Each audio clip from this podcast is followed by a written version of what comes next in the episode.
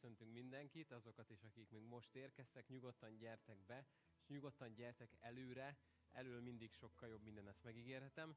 Kint hátul az infópulton találtok még sok-sok bibliát, kölcsön bibliát, azokat bátran kölcsön lehet venni, hogy a ma éppen nem hozhatok magatokkal bibliát. Szóval nagy szeretettel köszöntünk mindenkit a harmadik részen, a, olvas velünk a Bibliád harmadik alkalmán. Uh, ahogy számolom, már csak 25 év és 3 hét és elérünk a jelenések könyve végéig. Uh, nagyon hálásak vagyunk azért, hogy ezt elkezdhettük, és tesszük addig, ameddig ezt folytathatjuk, reméljük akár végig is. Uh, egy imádsággal fogom megkezdeni, jó? Istenem, én hálát adok neked a te igédért, a te beszédedért. Köszönöm azt, hogy annyi mindent elrejtettél benne, annyi üzenet, annyi kincs van benne, és köszönöm, hogy ez mind rád mutat, mind rólad tesz bizonyságot. Szeretnénk, Uram, ezt a mai alkalmat is oda szállni neked, ezt az egy órát. Szeretnénk rád figyelni, és kérjük azt, hogy te szólj hozzánk, Jézus. Amen. Első Mózes könyve harmadik fejezete az, ami ma következik. Egy nagyon nehéz fejezete a Bibliánknak, az egyik legnehezebb fejezete, és egy nagyon, nagyon nagy fordulópontot vesz innentől a Bibliának az elbeszélése. De hadd kezdjem egy történettel, jó?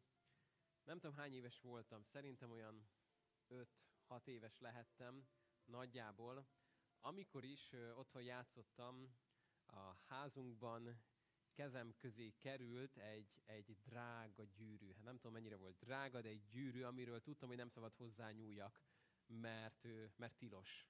De valahogy mégis a kezembe került. Nincs emlékem, hogy hogyan. Az az emlékem, hogy ott van a kezembe. És játszottam vele. És nagyon tetszett, hogy, hogy forgattam, hogy az egyik oldalban volt egy ilyen nagy-nagy, ilyen pirosas, ilyen nagyon szép kő, valami volt benne. És addig-addig forgattam meg, nézegettem, meg próbáltam rájönni, hogy hogyan van benne, hogy sikerült kiszedjem. Szóval kitört a kő belőle. Arra határozottan emlékszek arra a pillanatra, hogy na most mi lesz. Körülnéztem, egyedül voltam a szobába, úgyhogy nem tudom, hogy ismerőse még régiről azok a, azok a szekrények, amik az egész szoba falán végigmennek hosszasan. Hát annyi hely volt, hogy a kis négy éves kezemet be tudtam rakni, és egy erős mozdulattal bedobni a szekrény sor mögé.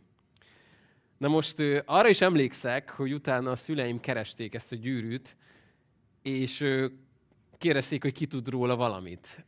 Arra emlékszek, hogy lapítottam, teljességgel lapítottam, és volt egy nővérem, a kisebbik nővérem, akinek már épp annyi volt a számláján, hogy ő, ő ígérgett, hogy neki ez most tényleg semmi köze, de úgyse hitte el senki, úgyhogy szerintem ő vitte el a balhét.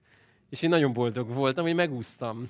Egészen addig a pontig, amikor egyszer felütottuk a szobát, és kiszedték a szekrényt. Előkerült a gyűrű, és előkerült a kő. És akkor már meg voltam térve, és eszembe jutott, hogy mit tettem. És akkor szint vallottam a testvérem bocsánatáért esedeztem. De miért mondom ezt a történetet? Azért, mert tettem valamit, amit nem lett volna szabad, bajba kerültem, és az első gondolatom négy-öt évesen annyi volt, hogyan tudnám ezt eltitkolni. Hogyan tudnám elérni, hogy, hogy, hogy soha ne derüljön ki, amit tettem. Hát valami ilyesmit fogunk ma olvasni, csak Ádám és Éva egy kicsit nagyobb bajt okozott, mint én azzal a gyűrűvel.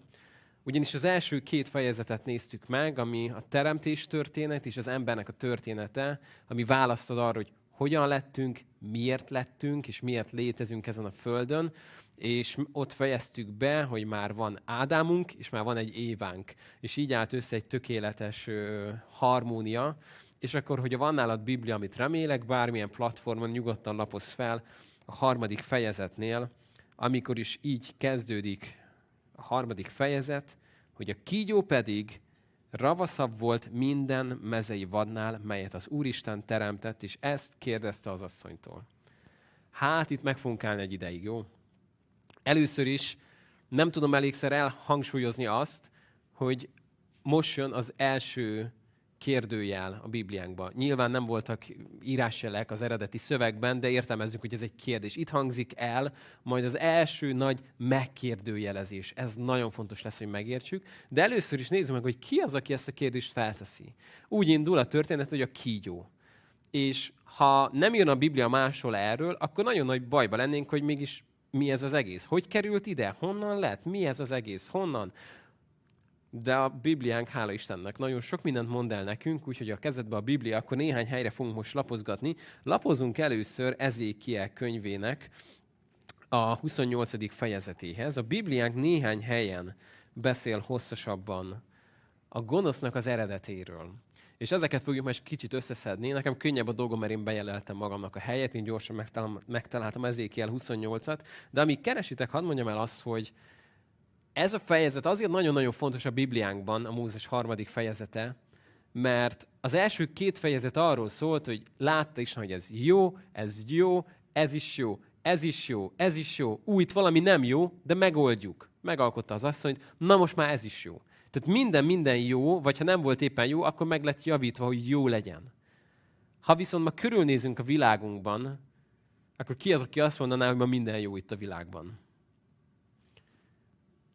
Ha néztél mostanában a híradót, hallgattál híreket a rádióban, elolvastad a napi híreket, bármelyik nap, bármikor, bármelyik platformon, akkor nagyon meg vagy arról győződve, hogy a világunkban a nagyon sok minden ma nem jó. Nagyon sok rossz dolog van a világban, és nem csak a nagy világban, nagyon sok minden rosszan hazánkban, a városodban, a családodban, a környezetedben, és az a nagy kérdésünk, hogy hogy került ez ide.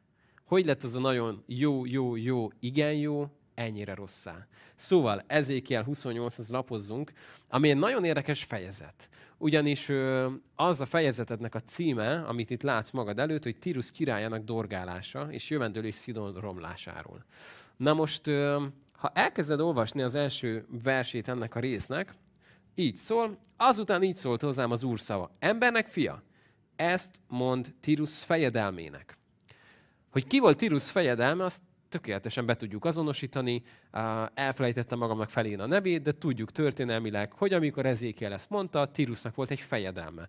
Tirusnak fejedelme volt, és ezt a tökéletes szót használja itt Ezékiel is, hogy Tirus fejedelmének Isten üzen valamit. Az pedig így szól, mivel fölfuvalkodott a szíved, és azt mondtad, Isten vagyok én, Isten székében ülök a tenger szívében, holott te csak ember vagy, és nem Isten.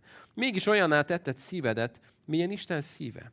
Ime bölcsebb vagy Dánielnél. Semmi rejtett dolog nem marad homályba neked. Bölcsességeddel, értelmeddel gyűjtöttél magadnak gazdagságot. Aranyat, ezüstöt gyűjtöttél kincses kamráidba, kalmárságod nagy bölcsességével megsokasítottad gazdaságod is. Beszél még egy kicsit róla Isten, és elmondja, hogy milyen büntetése lesz ennek a fejedelemnek, ennek az embernek. És teljesen egyértelmű számunkra, hogy itt az történik, amit olvasunk. Aztán ha 11-es vershez lapozol, akkor történik egy váltás az elbeszélésben. Azt mondja ugyanis, hogy azután így szólt hozzám az úr szava, embernek fia, kezd siratóéneket Tírus királyáról. Na most a szemfüleseknek feltűnik, hogy eddig kiről volt szó? Eddig Tírusnak a fejedelméről volt szó, és ez a Héberben is nagyon elválik, hogy most egy teljesen más titulus következik. Egy olyan titulus, ami, ami ilyen nem volt Tirusnak. Neki fejedelme volt. A fejedelem mögött viszont volt egy király, akitől ez a fejedelem tanult. És most figyelj, hogy mit mond ennek a királynak. Te voltál az arányosság pecsét gyűrűje, ez egy elég furcsa fordítás, tele bölcsességgel, tökéletes szépségben. Az édenben, Isten kertjében voltál, mindenféle drága kővel borítva. Aztán majd nézd csak kicsit később, 15. vers, fethetetlen voltál útjaidon, attól a naptól fogva, melyen teremtettél, míg gonoszság nem lett található benned. És aztán azt mondja később, hogy azért levetettelek az Isten hegyéről, és elkergettelek, te oltalmazó kérúba tüzes kövek közül. Szíved fölfuvalkodott szépséged miatt, fényességeddel megrontottad bölcsességedet. Földre vetettelek a királyok előtt, látványosságul adtalak neki. És aztán még sok mindent mond, majd otthon el lehet olvasni az egész fejezetet, de úgy tűnik, mintha ez már tényleg nem arról az emberről szólna, most akkor ez kiről szól? Uh, azt a kevés dolgot, amit tudunk az ördögnek az eredetéről, próbáljuk összerakni, és egy, van egy nagyon erős sejtésünk, hogy ez egyik a, azoknak.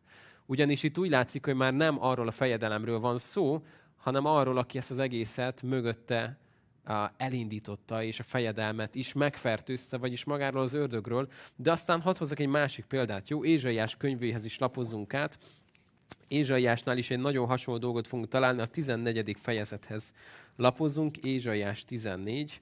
Uh, ott is egy, egy, egy érdekes dolgot fogunk olvasni. Uh, de inkább hadd beszéljem most a 14. fejezet helyettem.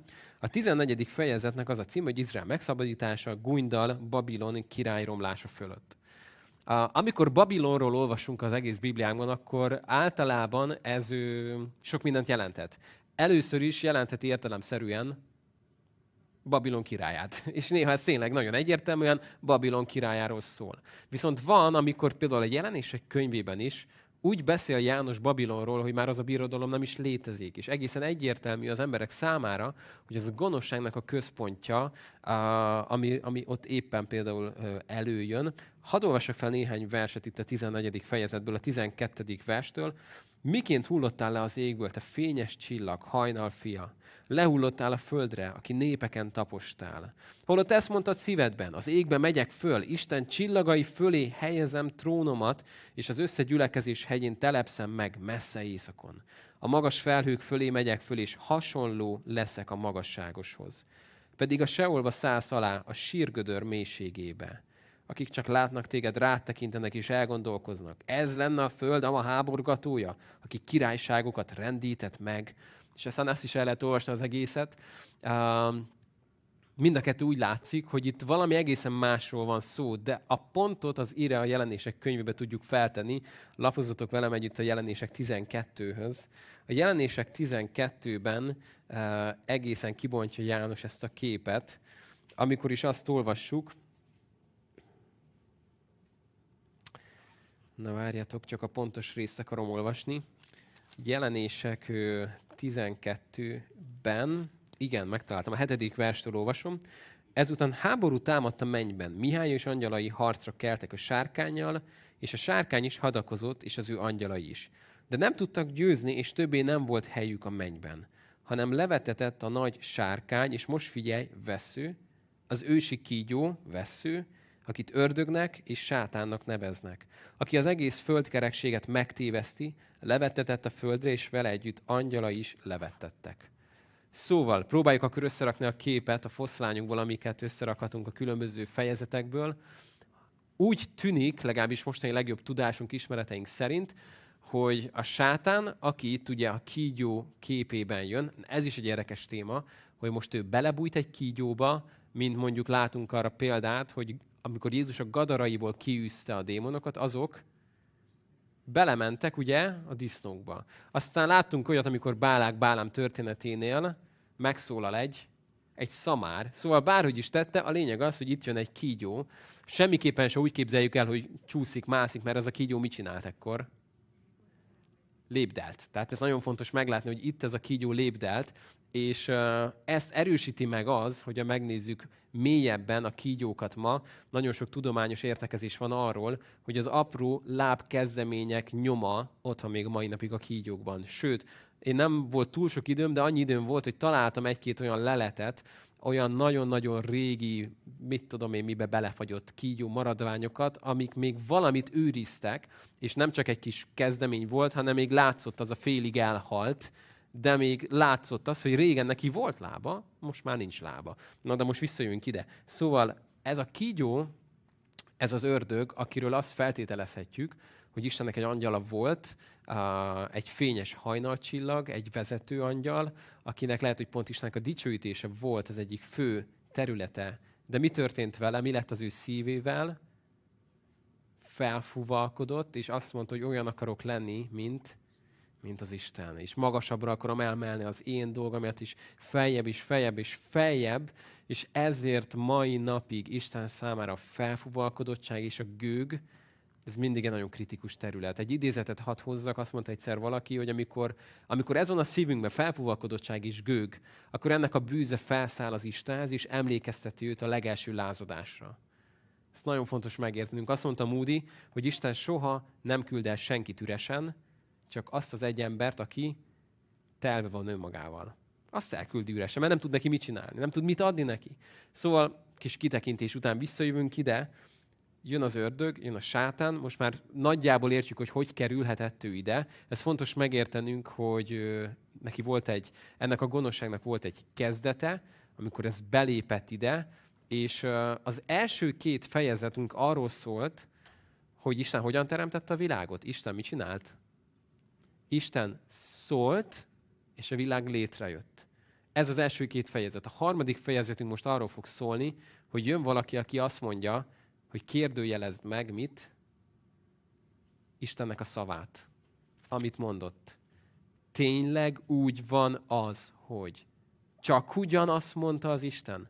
Ez nagyon fontos megértened, hogy az egész teremtett világunk úgy épül fel, hogy Isten szól, és létrejön a láthatatlanból.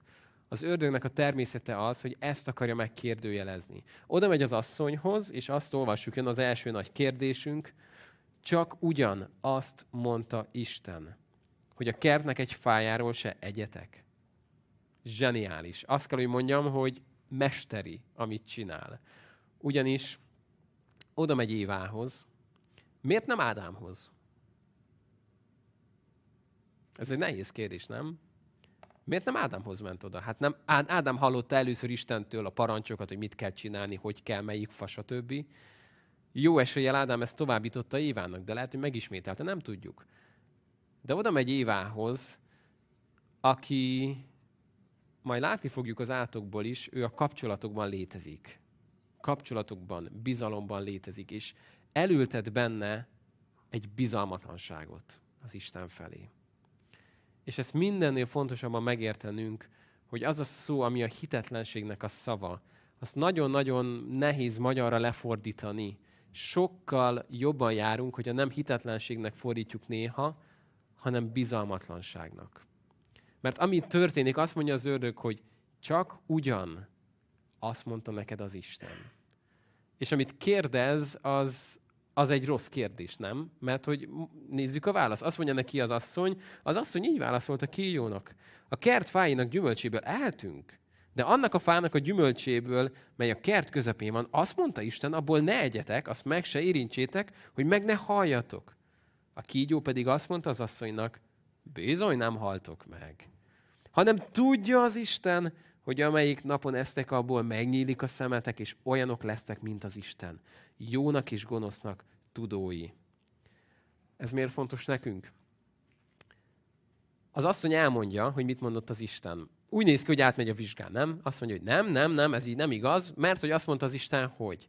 Az ördög mintha próbálta volna idézni Isten szavát, de háromféleképpen is lehet idézni Isten szavát. Tudjuk idézni hiányosan, tudjuk idézni úgy, hogy hozzáteszünk valamit, meg tudjuk úgy, hogy jól a helyére tesszük. Na az ördög nyilván nem ezt tette, hanem próbált ezt megcsavarni, megváltoztatva elővenni Istennek a beszédét.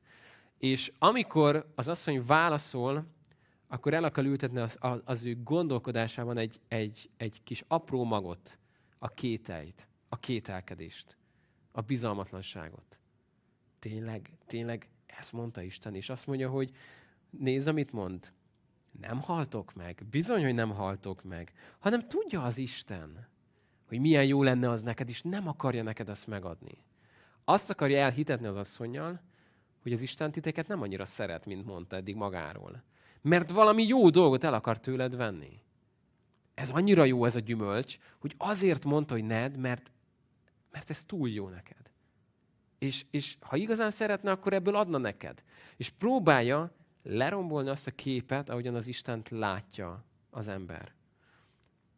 Változtatott ezen a stratégián az ördög? Semmit. Mert tökéletesen működik. Oda megy hozzád, és oda jön hozzám, megkérdőjelez Istennek a szavát. Tényleg azt gondolod, hogy? Most te komolyan elhiszed? Tényleg? Szerinted ez tényleg így van? És hogy még azt is mondod, hogy igen, mert ezt mondja a Biblia akkor azt mondja, hogy á, csak ugyan nem. Nem kell azt azért olyan komolyan. Nem, dehogy is. Isten csak ez azért, Isten csak ez azért nem. És próbál minket egy bizalmatlan pozícióba helyezni az Istennel szembe.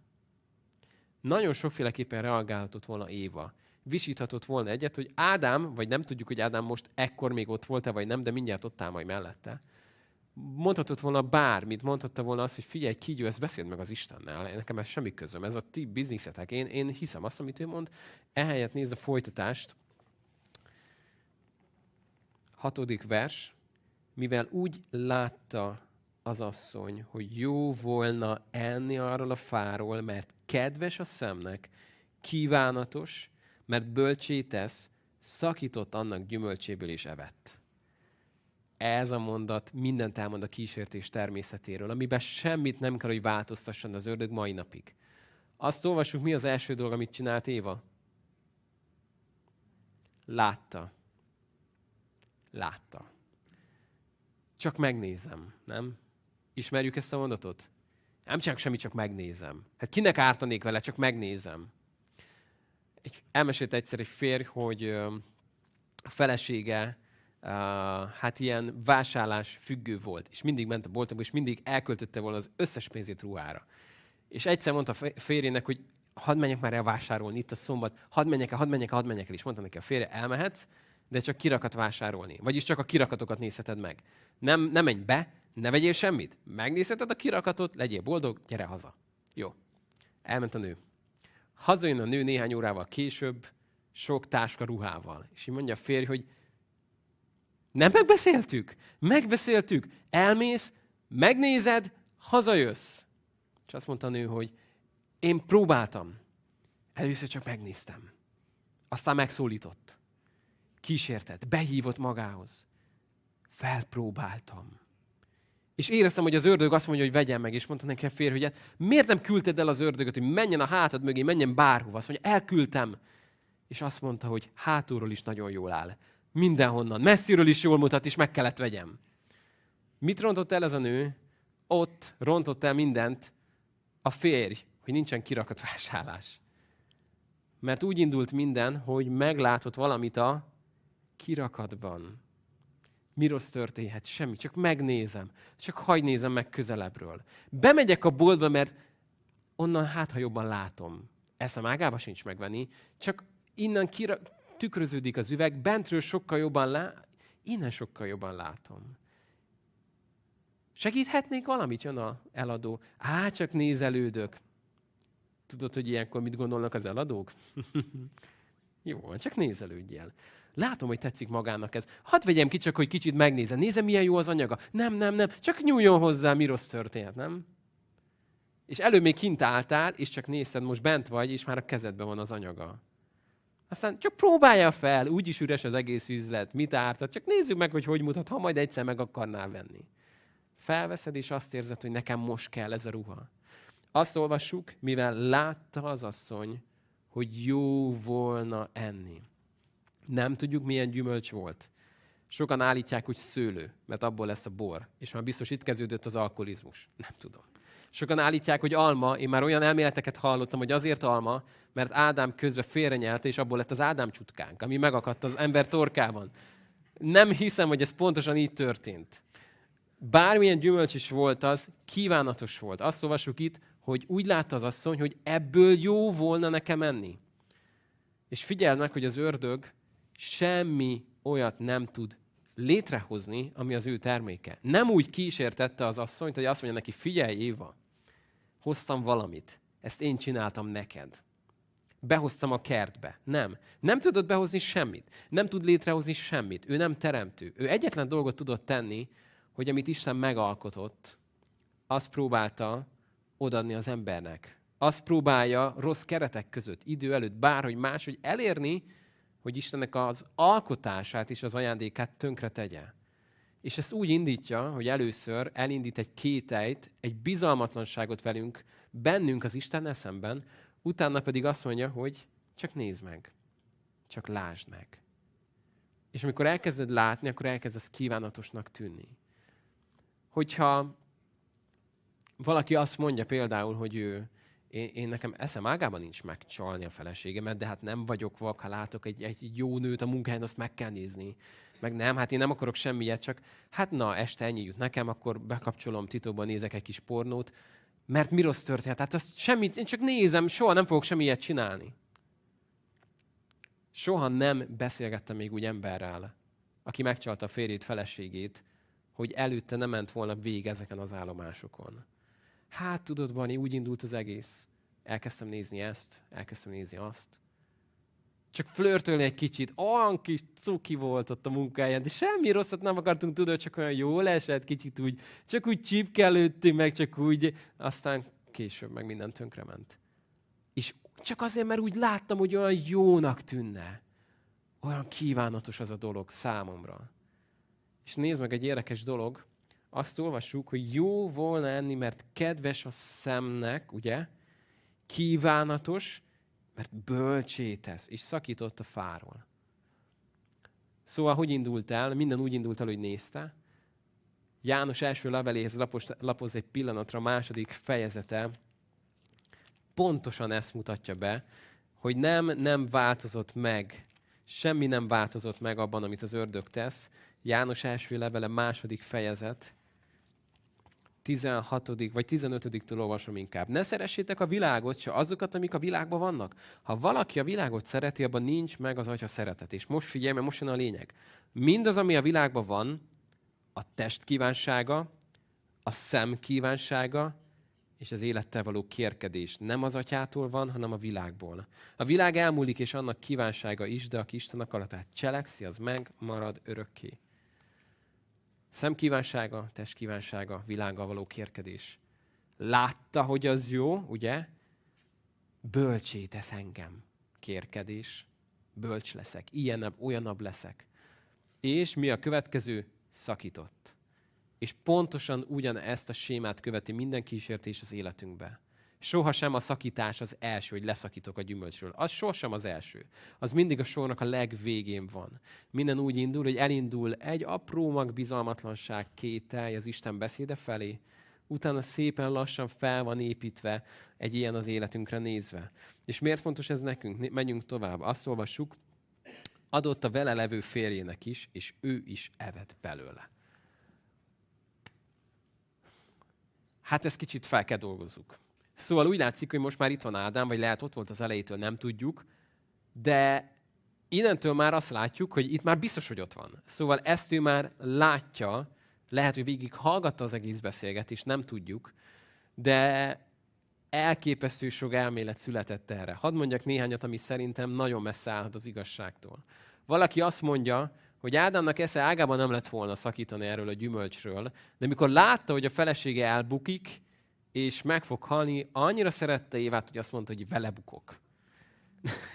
Na most, szerintem Ádám nem volt ekkora lovak. Miért gondolom? Ádám, miért tetted? Mi az első válasza? Az asszony, akit nekem adtál, dobja be a darálóba egy pillanat alatt. Tehát nem úgy tűnik, hogy azt mondja, hogy Isten az én szerelmem, minden átvisz, én úgy szeretem ezt a nőt, engem büntes. Nem. Tehát az látszik, hogy Ádám egyből kidobta az úthenger elé Évát. Tehát nem látszik úgy, hogy annyira ő feláldozta volna magát az asszony miatt. Amit viszont sokkal inkább látunk, az az, hogy Évát mondjuk úgy, hogy meg becsapta az ördög, el, elvette az józan ítélő képességét, megtévesztés alatt van. Ádámról viszont az ige úgy ír, hogy ő engedetlen volt az Istennek.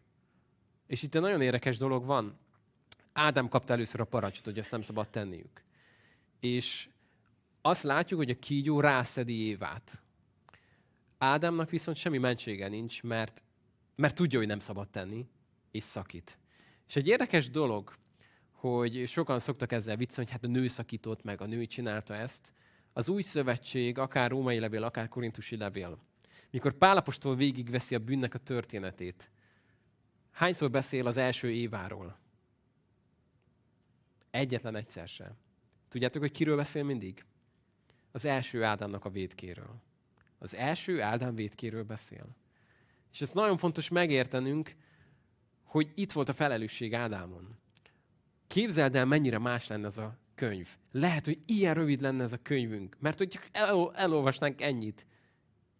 Hogy Ádám pedig ott volt, megragadta Éva kezét, mielőtt lenyúlt, mielőtt leszakította volna a gyümölcsöt, és azt mondta, hogy szívem, most egy pillanatra lép hátrébb te utálatos, nyomorult kígyó. Ezt már ugye nem Évának mondja, nyugodjatok meg. Te mit képzelsz? És amúgy is mit keresel itt?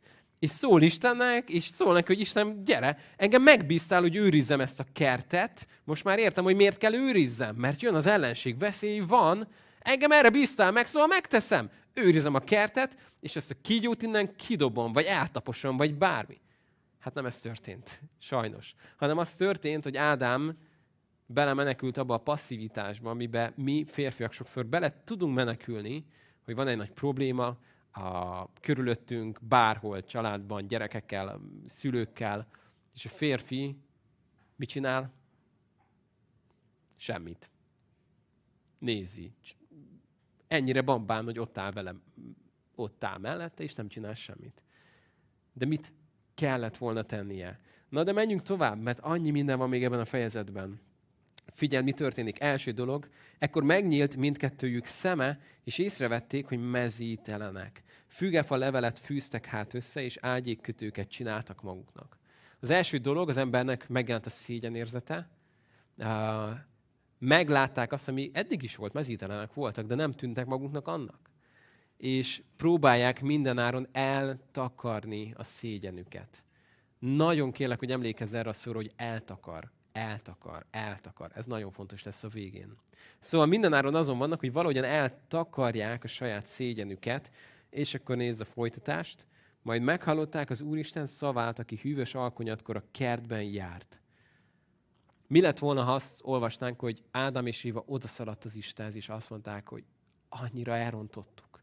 Annyira elrontottuk, Istenem, mit, mit lehetne tenni? De eljött ezt olvassuk, elrejtőzött az ember és a feleség az Úristen elől a kert fái közé. Az Úristen pedig hívta az embert, és azt mondta neki, hol vagy? Pont nemrég beszéltük valakikkel, hogy amikor Isten kérdez valamit, azt nem azért teszi fel a kérdést, mert mintha nem tudná rá a választ.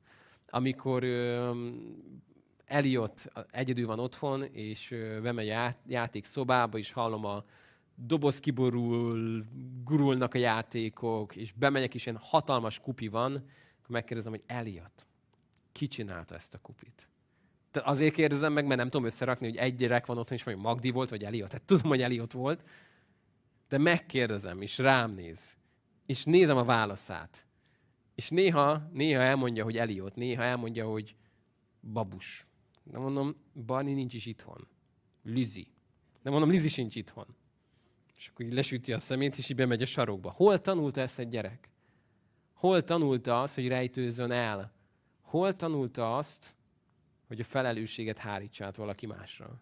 Hát úgy látszik, hogy itt volt egy elég erős példánk nekünk. Isten felteszi a kérés, hogy Ádám, hol vagy?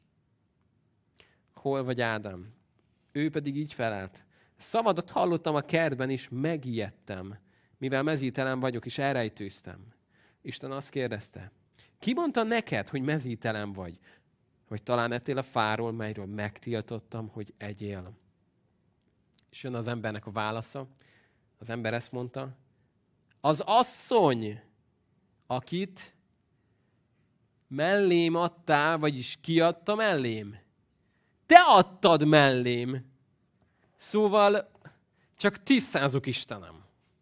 Az asszony volt, de azért, ha ez nem lenne elég válasz, Honnan is lett az asszony? Én szóltam, hogy kell a nő? Nem szóltam. Te mondtad, hogy csinálod, elaltattál, magatehetetlen voltam, csináltál nekem egy nőt. Nem is kértem. Aztán elfogadtam, és jó volt, persze, de te adtad. Hát végső soron nem a te hibád. És mondjuk, hogy milyen nevetséges ez az érvelés, nem? Milyen nevetséges Istent hibáztatni az ember bűnéért. Azért kinőtt ebből az ember? Ha az Isten olyan jó, akkor miért van annyi szenvedés meg nehézség a földön, nem? Miért van annyi éhezés? Ki miatt van ennyi éhezés? Az ember miatt. Ki miatt van ennyi háború? Az ember miatt. De mégis bennünk van az, hogy azt gondoljuk, hogy az Istenre rakjuk a felelősséget azért, amiért ő nem felelős. És aztán nézd, egyből próbálja a bűnét tovább rakni, de nézd meg, hogy Éva a legjobbaktól tanult, akkor az Úristen azt kérdezte az asszonytól, mit cselekedtél? Az asszony ezt felelte. A kígyó, a kígyó ámított el engem, ezért tettem. Akkor ezt mondta az Úristen a kígyónak. És itt belépnek az átkók a történetünkbe. Innentől kezdve lesz átkozott a föld. És nagyon-nagyon-nagyon fontos ez a három csoportja az átkoknak, amik itt elhangoznak. Az első átok az a kígyónak szól. Úgy kezdődik, hasadon jáj. Ebből is tudjuk azt, hogy eddig nem járt a hasán. Hasadon járj, és port egyél életed minden napján. Ellenségeskedés szerzek közötted és az asszony között, a te magod között és az ő magva között. Ő a fejedre tapos, te pedig a sarkát mardosod. Tudom, hogy eddig azt mondtam, hogy minden annyira fontos, de ez még fontosabb, ami most következik. Ugyanis már az első átoknál, az első büntetésnél Istennek megjelenik a haragja, az ítélete, az igazsága, és egyszerre megjelenik milyen? A kegyelme. Ugyanis azt mondja, hogy igen, ennek nagyon-nagyon súlyos következménye lesz. Egy véget nem, szinte véget nem érő ellenséges kedés lesz, ami aztán mégiscsak véget fog érni, mert az asszonynak egy utóda rá fog taposni a te fejedre. Na most ezt nagyon fontos megértenünk. Sok, sok könyv született ebben a témában. Van egy, van egy felvetés, ami nekem mostában nagyon sokat adott. Azt írt az egyik szerző, hogy gondoljuk végig jól, hogy mit hallott itt az ördög. Azt hallotta ugyanis, hogy tönkre fogsz menni, valaki ki fog téged csinálni, a fejedre fog taposni. Ennek az asszonynak egy utóda meg fogja ezt tenni veled. Ha van egy kis eszed, mit akarnál csinálni, hogy mentsd a bőröd? Megölni az asszonyt, vagy ha azt nem tudom, kit kéne megöljek még? A vérvonalat, nem? Ha véget ér a vérvonal, akkor nincs, aki a fejemre taposson. És akkor most egy kicsit kapaszkodjunk meg, mert megyünk a fénysebességgel. Az első férfi védke miatt a második férfi megöli a harmadik férfit és aztán újra és újra testvérgyilkosságok jönnek be. Meghal az egyik ága már a vérvonalnak, megmarad a másik, de az is halálos veszélyben, majdnem meghal, és nézd végig a zsidóság történetét.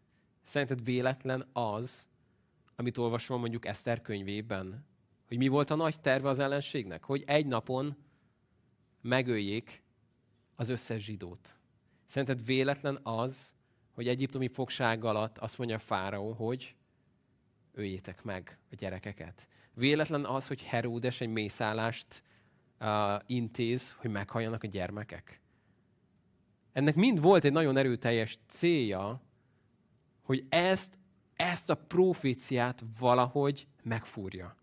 Hogy ne történjen meg, hogy ne jöhessen el az az utód, aki ezt majd meg fogja tenni. És kézzel, lábbal, kinkeservesen, háborúkkal, mindennel próbálta valahogy elérni azt, hogy vége legyen ennek. És ne jöhessen el a megígért utód. A jelenések könyvében azt olvasod, hogy az asszony, akit üldöz az ördög, a sárkány, annak van egy gyermeke, akit meg akar ölni ez a sárkány. Az utód. Aki eljön majd is mindent helyreállít. Szóval innentől kezdve egész érthető az, hogy miért lesz a zsidóság története tel is tele gyilkosságokkal, majdnem kihalással. Miért van az, hogy valaki annyira próbálja ezt elérni, hogy ez megtörténhessen? De tudjuk jól a történet végét, hogy nem fog neki sikerülni. Mert hogy eljön majd az az utód, aki rátapos a fejére. Jézus, amikor itt járt a földön, vajon véletlen, hogy azt olvassuk, hogy mikor kiment ott a zsinagógából, le akarták taszítani, meg akarták ölni? Miért?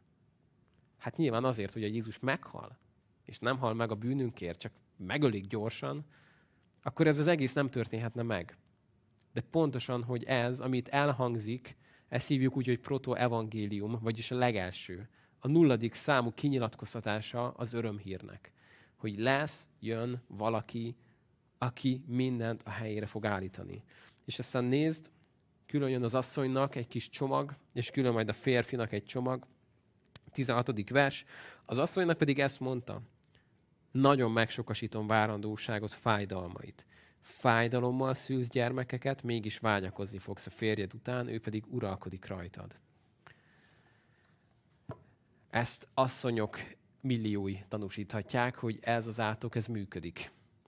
Fájdalommal szülik a gyermekeket. Én nem szültem értelemszerűen, de háromszor ezt végignéztem, és aláírom, hogy ez nagyon fáj és néz az embernek az átkát. Az embernek pedig ezt mondta, mivel hallgattál a feleséget szavára, és ettél arról a fáról, melyről azt parancsoltam, hogy ne egyél. Átkozott legyen a föld te miattad. Fáradtságos munkával élj belőle életed minden napján. Tövist és bogánckóró teremjen neked, és mezőfüvét tegyed. Arcod verítékével egyet kenyeredet, míg nem visszatérsz a földbe, mert abból vétettél, mert por vagy te, és ismét porrá leszel. Nagyon fontos megértenünk azt, amit történik. Az asszony átka az a családját sújtja. a kapcsolatét, a gyermekszülést is. Látjuk, hogy itt, hogyha ma egy, egy, egy nőt szeretnénk megérteni, a nők kapcsolatokban élnek, kapcsolatokban virulnak ki. Hogyha van egy, van egy nehéz téma, amit meg kellene szerintem oldani, és én nekem van nyolc megoldási javaslatom a feleségem számára, ő annak nem fog örülni addig, amíg jó mélyen át nem beszéljük azt az egészet. És ezt nekem meg kellett tanuljam, és még mindig tanulom, hogy van egy nehéz helyzet, és hiába mondom el, hogy nézd, itt van a négy megoldás. Én a másodikat javaslom, de a harmadik is jó. Nem jó. Az addig nem jó, amíg a kapcsolatban ezt nem éljük meg, és nem beszéljük át újra és újra és újra. A férfi pedig hol kapta az átkát? A munkájában. És pontosan ezért van az, hogy a férfiak a munkába menekülnek, a nők pedig néha pont kapcsolatokba menekülnek ilyenkor. De nézd meg, Ádámnak a, az átka az egész földet sújtja. És miért fontos ezt megértenünk? Mert így működik a kísértésnek a, a dinamikája. Hogy nemrég foglalkoztunk Jézus megkísértésével, ha emlékeztek rá egyik vasárnap, hogy az a lényeg a kísértéseknek, hogy amit minden jobban szeretnénk az életben, azt feladjuk azért, amit éppen akkor ott nagyon szeretnénk. És amikor az asszony megkívánta, mert jó volna arról enni, akkor minden következményt félretett, félresöpört mindent, mert nekem az most jó. Gondoljunk egy kicsit a mai emberre, a 21. század emberére. Nem pontosan ugyanezt látjuk. Nekem senki meg nem mondja, hogy mit szabad, mit nem. Nekem ez most itt, nekem ez jó. Nekem ez jó. Senki meg nem mondja, hogy mit csináljak. Nekem ez jó. És pontosan azt mondjuk, hogy milyen intelligens a mai ember, mégis visszalép ebbe az üzemmódba. Ember látja azt. Embernek kell az. Nekem most az kell. Le kell szakítsam, mert én azt most akarom. És minden, minden egyes következményt félresöprünk, mert annyira meg akarom szerezni azt, amit tudom, hogy nem lenne szabad. Ha beszélgettél már olyan emberrel, aki teljesen el volt vakulva, és csak képzelje valakit, házasságban él, éppen rossz a kapcsolatuk, de már nagy örömmel újságolja neked, hogy megtalálta az igazit. És azért rossz a házassága, mert nem az igazival házasodott meg, de végre megvan. És úgy örül, hogy megtalálta, és most tudja azt, hogy ez néhány nehézséggel fog járni, meg el kell válnia, meg a gyerekekkel lesz egy kis gond, meg a barátait is el fogja veszíteni, meg Istennel is a kapcsolata meg fog romlani, de ez mind lényegtelen, mert nekem kell az igazi, a nagy ő, aki engem boldoggá tesz, mert látom, hogy nekem az most jó lesz. És aztán, amikor belemegy egy ilyen élethelyzetbe valaki, és eltelik egy kis idő, és kezd rájön arra, hogy mit csinált, és fogja a fejét, hogy hogy áldozhattam fel mindent. Hogy lettem ilyen ostoba, nem? Hogyan lehetett az, hogy valaki az első szülöttségi jogát egy tál lencsér odaadja? És hogyan lehetett, hogy valaki azt a tökéletes éden kertet az Istennel odaadta egy gyümölcsért? Na de nézd mert még nincs vége a történetünknek. Azt mondtam, hogy van, amit nagyon meg kéne jegyezzetek. Ádám pedig Évának nevezte feleségét, mivel hogy ő lett az anyja minden élőnek. És akkor most jönne a fekete leves, ugyanis Isten azt mondta, hogy ha esztek abból, akkor, akkor meg kell halnotok. Na most figyelj. Az Úristen pedig bőrruhát csinált Ádámnak is feleségének, és felöltöztette őket.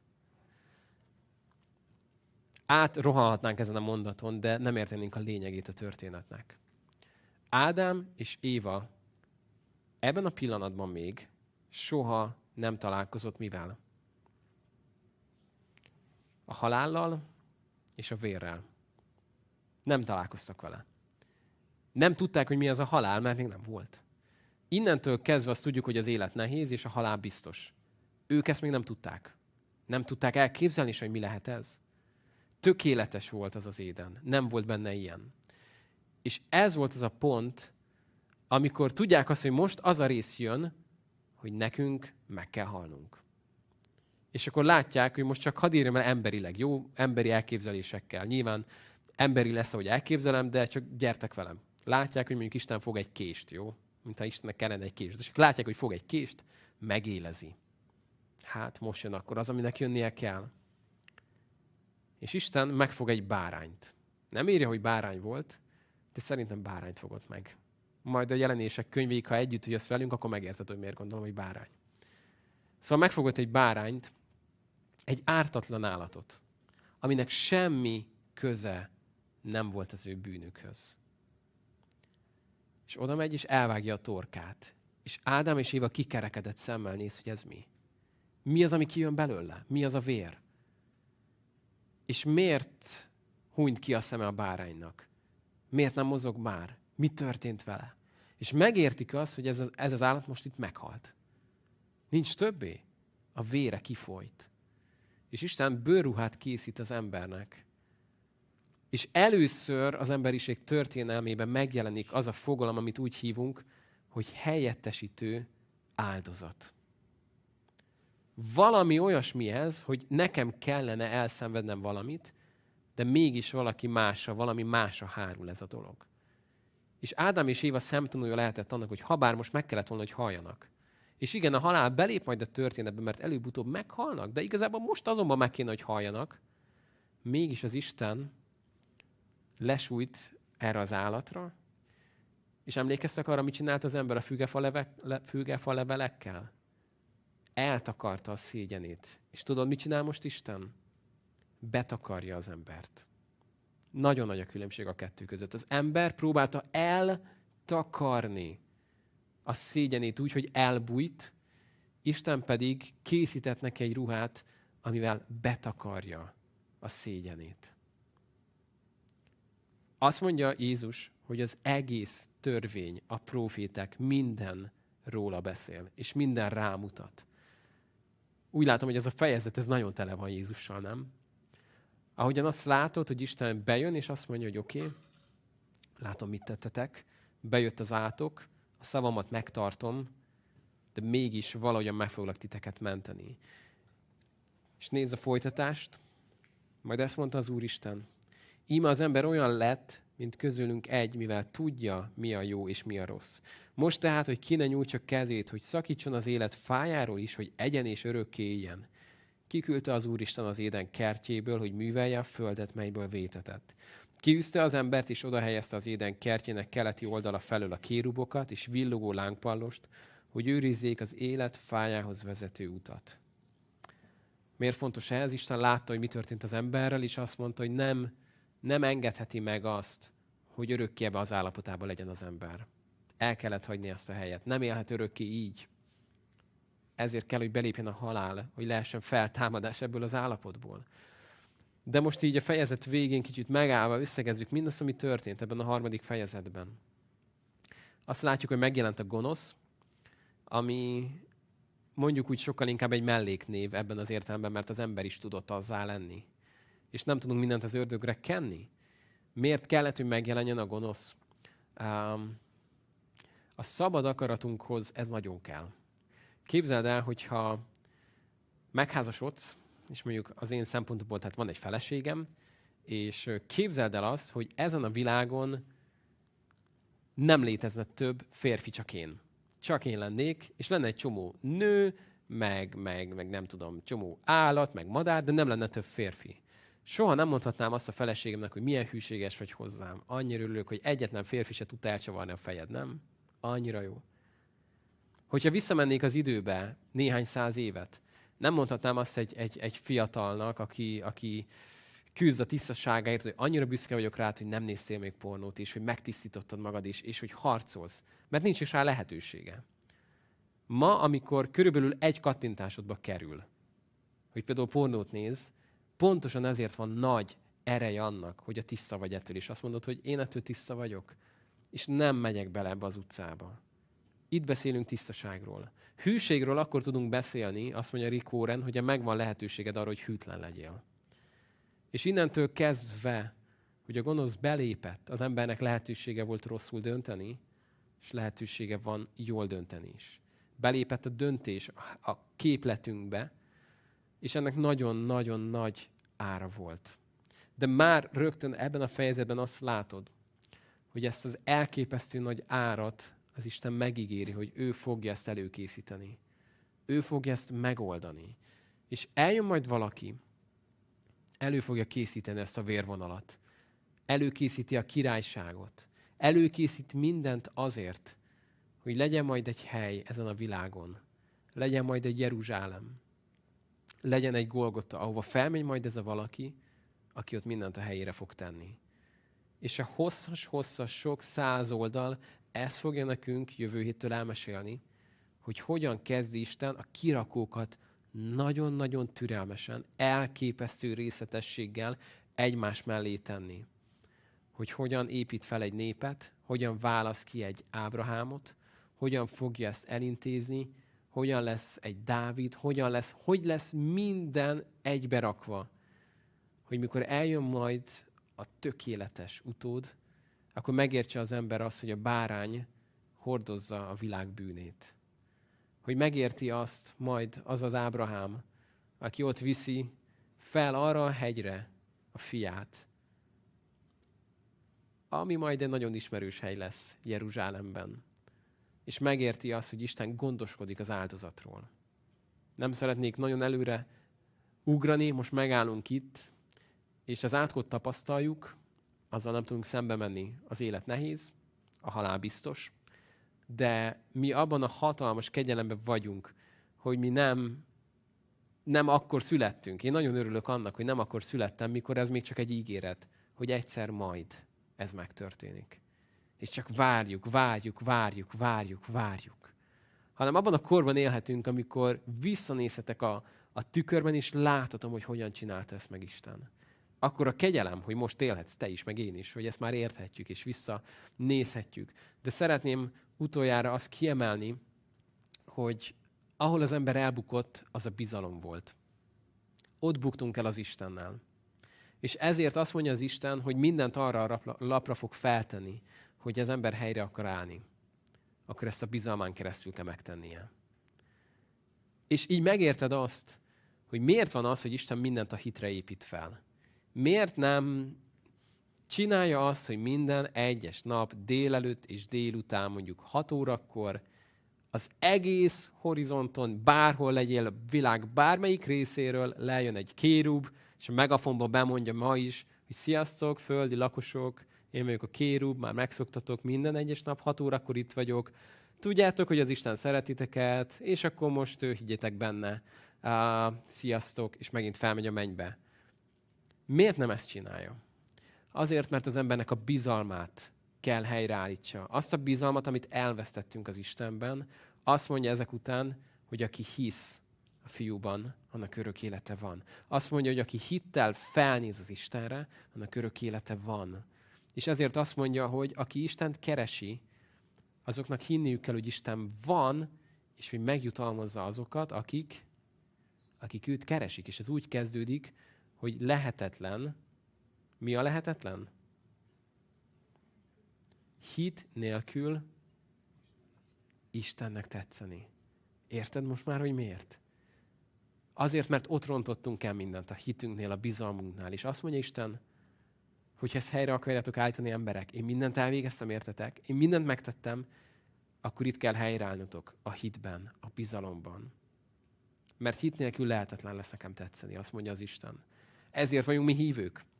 És nagyon sok mindent tapasztalunk az Istenből, de nem tudók vagyunk, hanem hívők vagyunk. Bizonyosságaink vannak, nem pedig bizonyítékokat sorolunk fel mindig, hanem a hitünkön keresztül tapasztaljuk ezt meg. Hát itt állunk most meg, Uh, nagyon izgalmas, 25 év, három hét van még előttünk, hogy ezt tudjuk addig folytatni. Ha Isten közben visszajön, tegnap megkérdezte tőlem valaki, mi van Bani, ha Isten közben visszajön? Hát azt mondtam, hogy akkor a folytatás még izgalmasabb lesz, mert akkor higgyétek el, hogy sokkal jobban fogja befejezni Isten a mennybe, mint ahogy én tudnám itt nektek elmondani. Szóval én nem bánom, a közbeszól, és azt mondja, hogy na fiúk, most már majd akkor ezt fent csináljuk. Ha addig még vár, akkor, akkor ezt folytatjuk, ameddig tudjuk. De most itt megállunk, mindig megígértük, hogy egy órás az alkalom, hogy lehessen ezzel tervezni, és lehessen hazamenni, akinek sietnie kell. De szeretnénk most hálát adni azért, amit az Istenben láthatunk most, hogy, hogy hogyan volt erre képes, hogy végignézze az embernek ezt az árulását, ezt a bizalmatlanságát, mégis azt mondja, hogy helyreállítja ezt. És hogyan volt képes erre sok száz oldalra és sok ezer évre azért, hogy ezt mi már megélhessük ma. Gyertek, imádkozzunk. Istenem, köszönöm azt, hogy Te nem csak eltakarod a szégyenünket, hanem Te te betakarod. Nem elfeded, hanem befeded minden bűnünket, hibánkat, szégyenünket, és köszönöm, Atyám, hogy így állhatunk előtted. Köszönöm azt, hogy, hogy ilyen kegyelemben lehetünk, hogy mi már ismerjük azt a valakit, aki, aki már kapott egy nevet, Jézus Krisztus, aki mindent helyreállított. Köszönöm Istenem azt, hogy, hogy mi már abban élhetünk, a hitnek abban a korszakában, hogy hitünk lehet benned, bizodalmunk lehet benned. És Uram, arra kérlek, hogy adj nekünk egy tiszta látást, hogy ne tudjon minket az ördög megcsalni, hanem a te szabad az mindig legyen tekintély előttünk, és soha ne kérdőjelezzük meg téged, a te szeretetedet, mindig tudjunk ehhez szilárra ragaszkodni. És köszönöm azt, hogy akarod ezt helyreállítani bennünk és a világban. Kérlek, használj Isten minket arra, hogy, hogy másoknak ezt elmondhassuk, hogy ők is megértessék, és ők is veled találkozhassanak. Amen. Két dolgot a végére, az egyik az, hogy egy hét múlva találkozunk, ha Isten éltet minket, és most is azt kérem, hogy a következő fejezetet olvassuk el előre, meg majd olvassuk el az alkalom után még egyszer, hogy kicsit úgy felfrissítve a sok-sok mindent, amiről beszélünk. A másik pedig az, hogy nagyon örültem, hogy eddig is már sok-sok-sok konkrét kérdés beérkezett az első két fejezettel kapcsolatban. Ezt, ezt mindenkinek csak bátorításként mondom, hogy mivel egy óra alatt nincs időnk minden dolgon nagyon-nagyon részletesen végigmenni, és hogy jön fel bennetek kérdés, amiről azt mondjátok, hogy ezzel azért kellene még foglalkozni, vagy ez hogy is van, akkor azt nyugodtan mondjátok el nekem, írjátok le az infópulton, adjátok le a papírként. Ezt azoknak is mondom, akik most online követtek minket, kommentben írjátok oda, küldjétek el az e-mail címünkre, és igyekszünk azokra a kérdésekre visszamenőleg is majd a következő alkalom elején legalább egy kicsit visszamenni, hogy azokkal is foglalkozunk, amikre esetleg nem volt idő ez a reménységünk, és hogy Isten éltet minket, akkor egy hét múlva ugyanitt találkozunk 6.30-kor. Isten áldjon titeket! thank you